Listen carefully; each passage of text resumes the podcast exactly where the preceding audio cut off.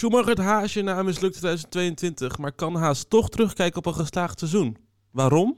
Dat hoor je in een nieuwe aflevering van Studio Downforce.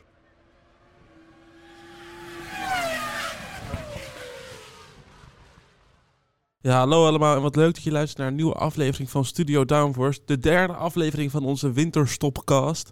Vandaag gaan we wat dieper inzoomen op het seizoen van Haas en blikken we vooruit op het aanstaande seizoen van Haas. Dat doe ik niet alleen als eerste samen met Elias. Hello, it's me. Elias. En ook samen met Lies. Hey hoi. Hallo, hallo. Lies, volgens mij is dit de aflevering waar jij het meeste uitkijkt, hè? Ik eh, heb hier, ja, ik wil ook de hoogtepunten doen en niet de dieptepunten dit keer. Jij wil de hoogtepunten doen. Oké, Ja. oké, oké. Ehm, dan doe ik de dieptepunten dit keer wel. Laten we eerst even Elias eh, zijn woordje doen. Ja, vergeet ons niet te volgen mensen op onze sociale media kanalen. Want daar kun je ook content van ons zien eh, en horen. Eh, je kan ons volgen op Facebook, LinkedIn, Twitter en op Instagram kun je ons volgen op studio.downforce. Daar staat allemaal leuke extra content van voorspellingen tot reels, tot eh, korte samenvattingen over onze nieuwe afleveringen die online komen op... Jawel, je hebt het goed geraden, want je zit er ook op te luisteren nu op Spotify namelijk. Eh daar kun je onze nieuwste afleveringen krijgen eh, door een meldingje als je ons gaat volgen. Nou, doe maar. Eh, laten we snel beginnen.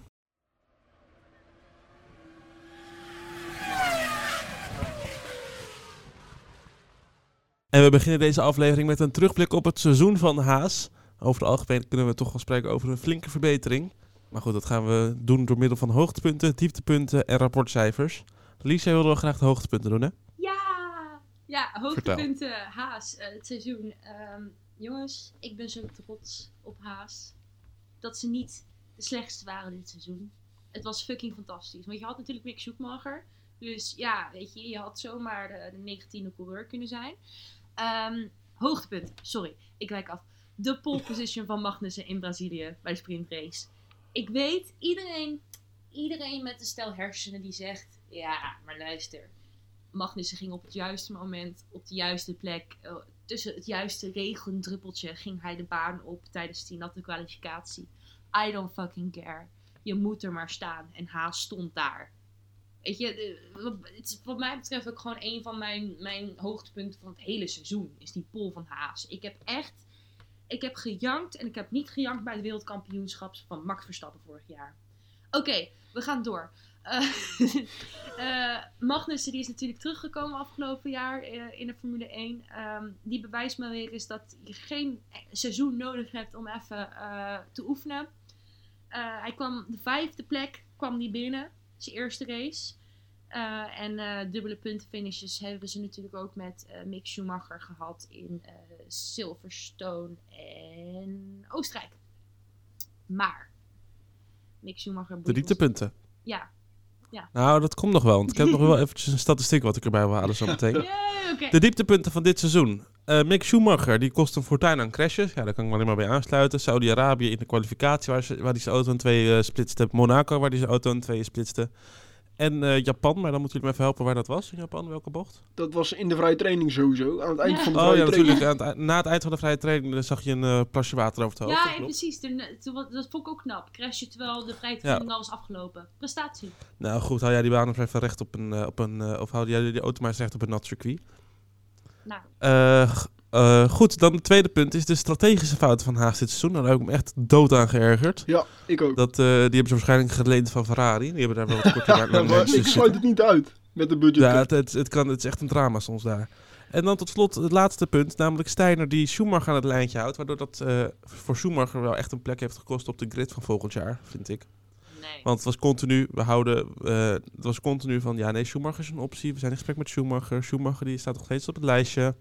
Waardoor Schumacher, die had gewoon hoop gehouden op, Schum- op Haas. Omdat natuurlijk, dat is waar je het liefst wil zitten.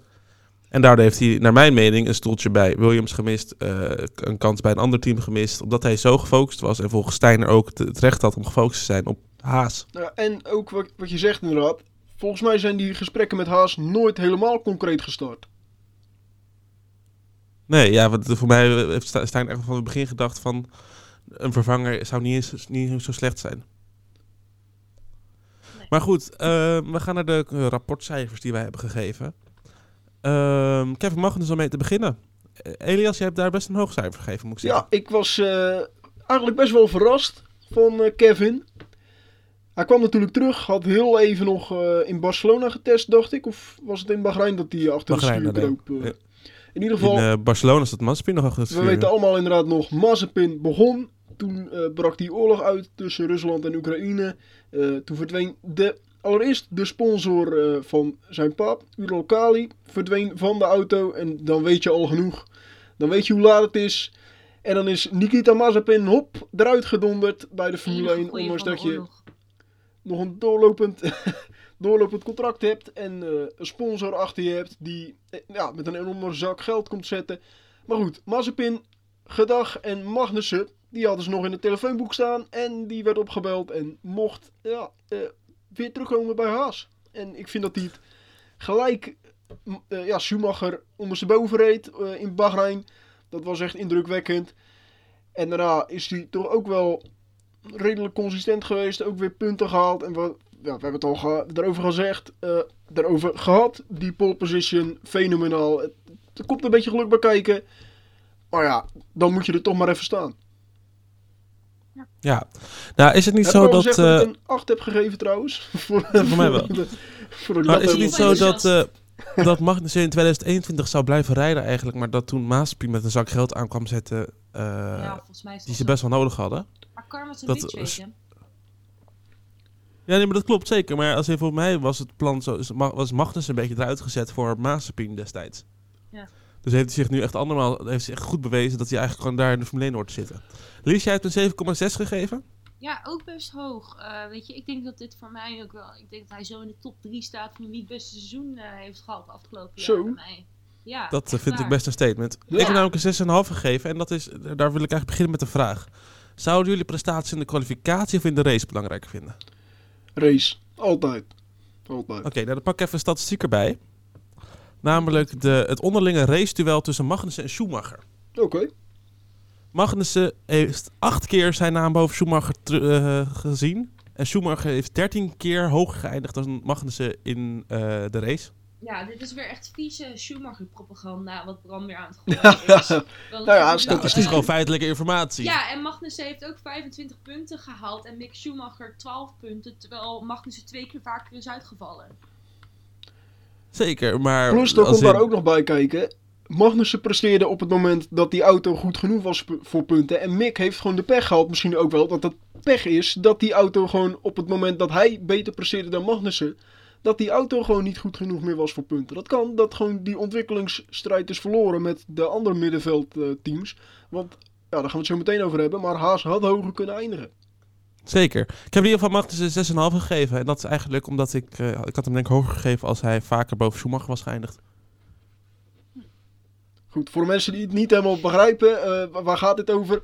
Uh, Bram is eigenlijk wat, uh, ja, Matt is van WTF1 voor Charles Leclerc. dat is Bram voor Mick Schumacher.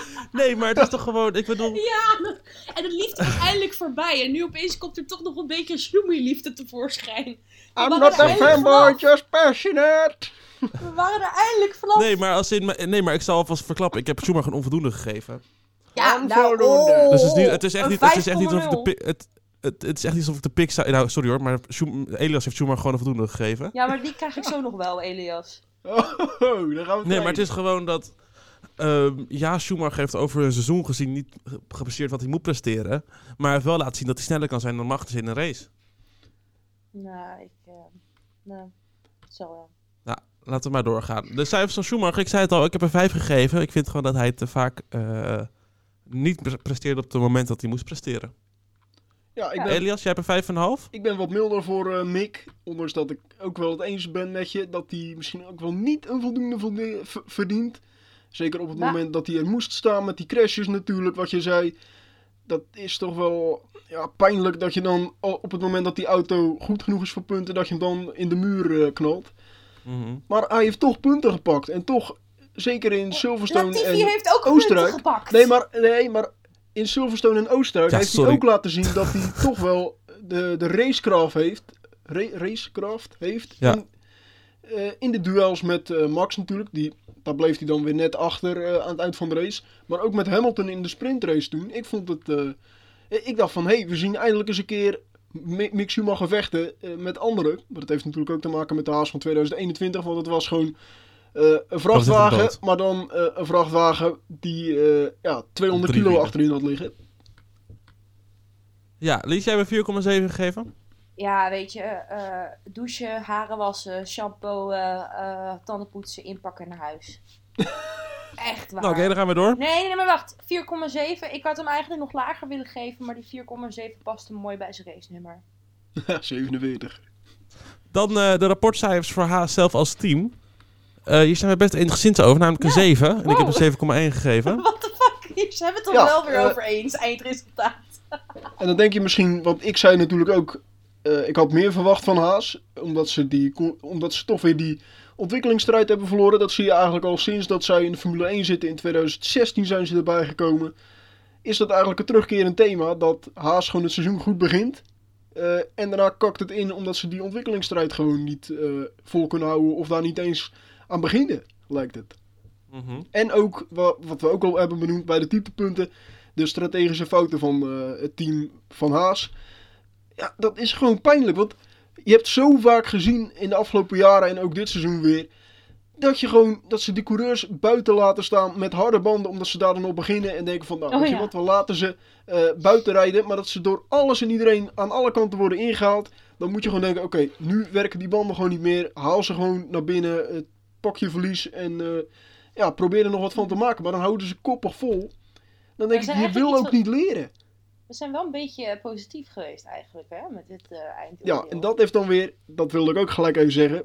Waarom, ben ik dan toch nog, waarom heb ik dan toch nog een 7 gegeven, ondanks alle kritiek die ik nu uh, aan het spuien ben? Ja, toch omdat Haas gewoon 0,0 punten heeft gehaald in 2021.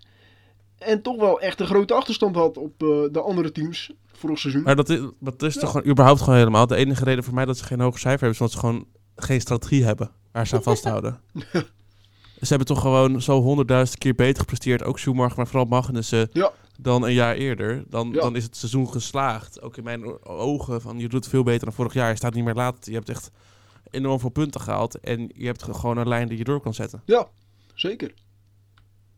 En daarom... Nog iets aan toevoegen, Lies? Nee, ik... Uh... Nee, ik vond het helemaal Nou, en daarom het eindoordeel. Geslaagd seizoen of niet voor Haas? Ik denk dat we hier kort over kunnen zijn weer. Ja. Ja, geslaagd seizoen. Nou, laten we snel doorgaan.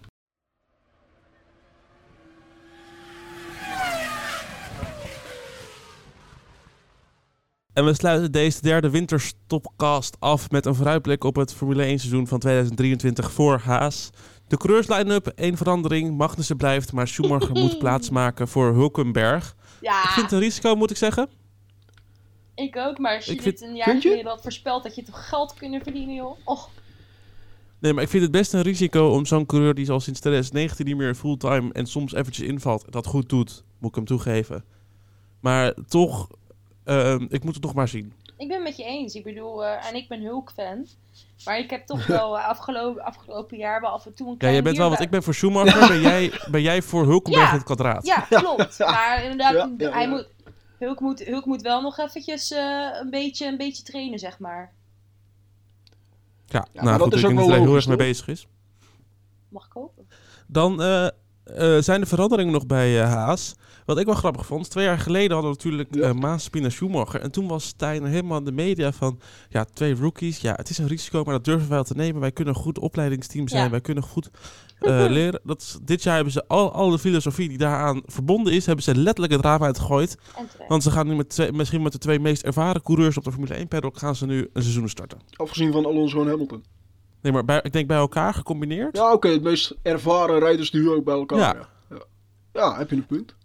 En ze hebben MoneyGram nu als grote geldschieter voor volgend jaar en volgende jaren. De vraag is alleen, hoe lang blijft dat uh, stand houden? Precies, ja. Wordt dat een Rich Energy of wordt dat een Rokit? Of wordt dat, uh, hebben we nog een leuk voorbeeld? Um, een uh, Rokit. Urokali. Urokali natuurlijk, ja. Wederom een sponsor van Haas. Ja, dus uh, dat moeten we nog maar even gaan zien. Het ziet er in ieder geval wat beter uit aangezien het uit Amerika is. In Amerika en Amerika, dat moet goed komen. Nou, wat verwachten we van Haas? Uh, ja, ik hoop dat ze de stijgende lijn uh, voor blijven zetten. Eh, ik denk en dat ze de stijgende lijn door kunnen zetten. Ik denk ook dat het heel gezellig wordt. Ik denk dat het wel echt een, eh, een eh, fantastische PR-machine wordt volgend jaar. En ik ben echt Nou. dat ik nog steeds geen Haas-merchandise heb.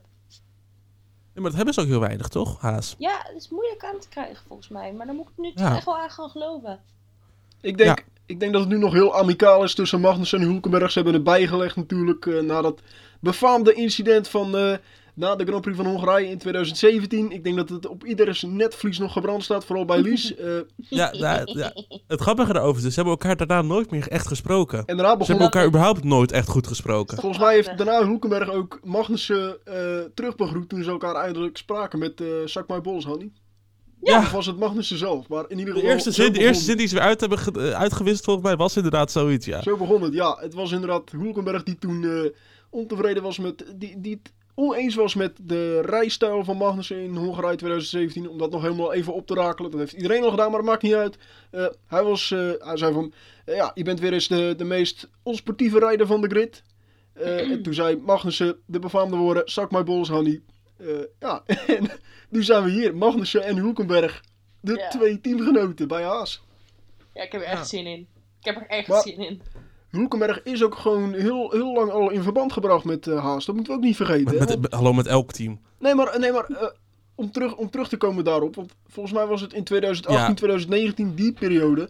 Waren ze ook al geïnteresseerd om Ja. eh, Hulkenberg over te nemen. Ik eh, roep van het echt al, ik roep het echt al Maar, drie maar jaar. Hulkenberg, Hulkenberg is een soort de Vries. Elk team heeft er interesse in, maar ze vinden het ook een te groot risico om hem te tekenen. Nou, ja, maar hij, hij doet niet zo hele gekke dingen. Misschien is dat ook wel het probleem waar mensen... Die jongen heeft nog nooit een podium gereden in Nee, maar hij, Prix. wel steady is ook punten. een En, prestatie.